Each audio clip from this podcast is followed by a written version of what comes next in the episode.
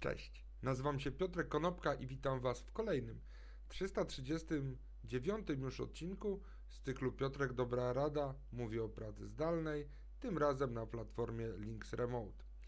Dzisiaj powiem kilka słów na temat tego, że to co widzimy dzisiaj czy wczoraj widzieliśmy za oknem wcale nie musi być naszą codziennością.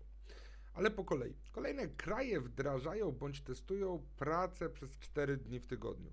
Są to Hiszpania, Nowa Zelandia, Japonia. Ostatnio w ogóle zrobił to Panasonic w Japonii. Irlandia, Szkocja, Islandia, czy w ostatnich dniach pojawiły się informacje z Indii i Zjednoczonych Emiratów Arabskich. Zazwyczaj takie zmniejszenie liczby dni oznacza też skrócenie mm, wymiaru czasu pracy w ciągu tygodnia, czyli po prostu zamiast pracować 40 godzin przez 5 dni w tygodniu, mam, być może będziemy pracować 32 godziny przez 4 dni, oczywiście z zachowaniem dotychczasowego wynagrodzenia. Jedynie Indie chcą inaczej do tego podejść, chcą utrzymać wymiar czasu pracy, czyli 48 godzin tygodniowo. W Polsce jednak jest to pieśń przyszłości. Przede wszystkim obecnie na razie jest wdrażany Polski Ład. Praca zdalna w kodeksie pracy, przypomnę, po dwóch latach od rozpoczęcia pandemii nadal nie istnieje, chociaż ministra Maciąg zarzekała się, że pojawi się do końca 2021 roku. Zmian klimatycznych nie ma. To, że wczoraj przez przypadek przez Polskę przeszedł szkwał burzowy z piorunami, to jest wyjątek od reguły prawdopodobnie, także tych zmian klimatycznych na pewno nie ma. No i oczywiście coś, co wywołało olbrzymią falę wzburzenia w całym społeczeństwie, nie tylko wśród osób indywidualnych, ale również wśród wielu przedsiębiorców, są na przykład ceny energii, ceny gazu, bo gaz poszedł w górę na przykład e, o 1000% dla przedsiębiorstw, a dla osób indywidualnych, ponieważ gaz jest nadal regulowany, e, ceny poszły w górę o 54%. Ale jeżeli połączyć to wszystko w całość, może są takie miejsca, gdzie w ogóle nas to nie będzie dotyczyło. Może warto zastanowić się nad tym, żeby zmienić miejsce zamieszkania.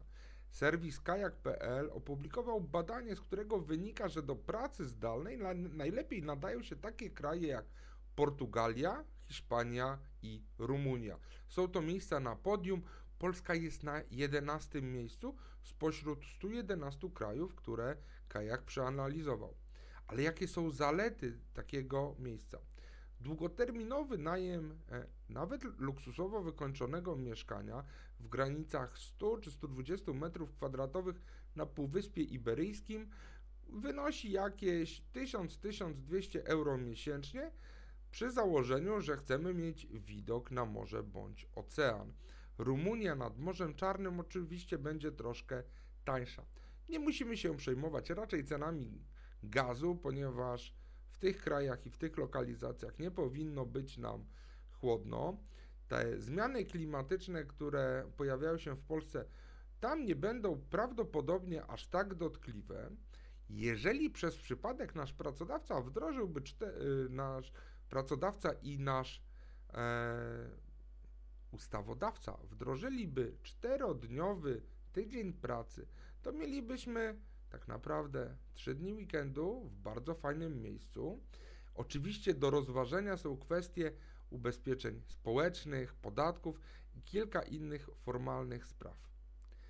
Ale mamy jedno duże ułatwienie, ponieważ te kraje są w tej samej strefie czasowej, czyli nie musimy się zastanawiać, w jakich godzinach będziemy pracować. Dlatego na przykład nie mówię o Mauritiusie czy o Japonii bądź Meksyku, które są na kolejnych miejscach w e, tym serwisie Kajak, w tym badaniu.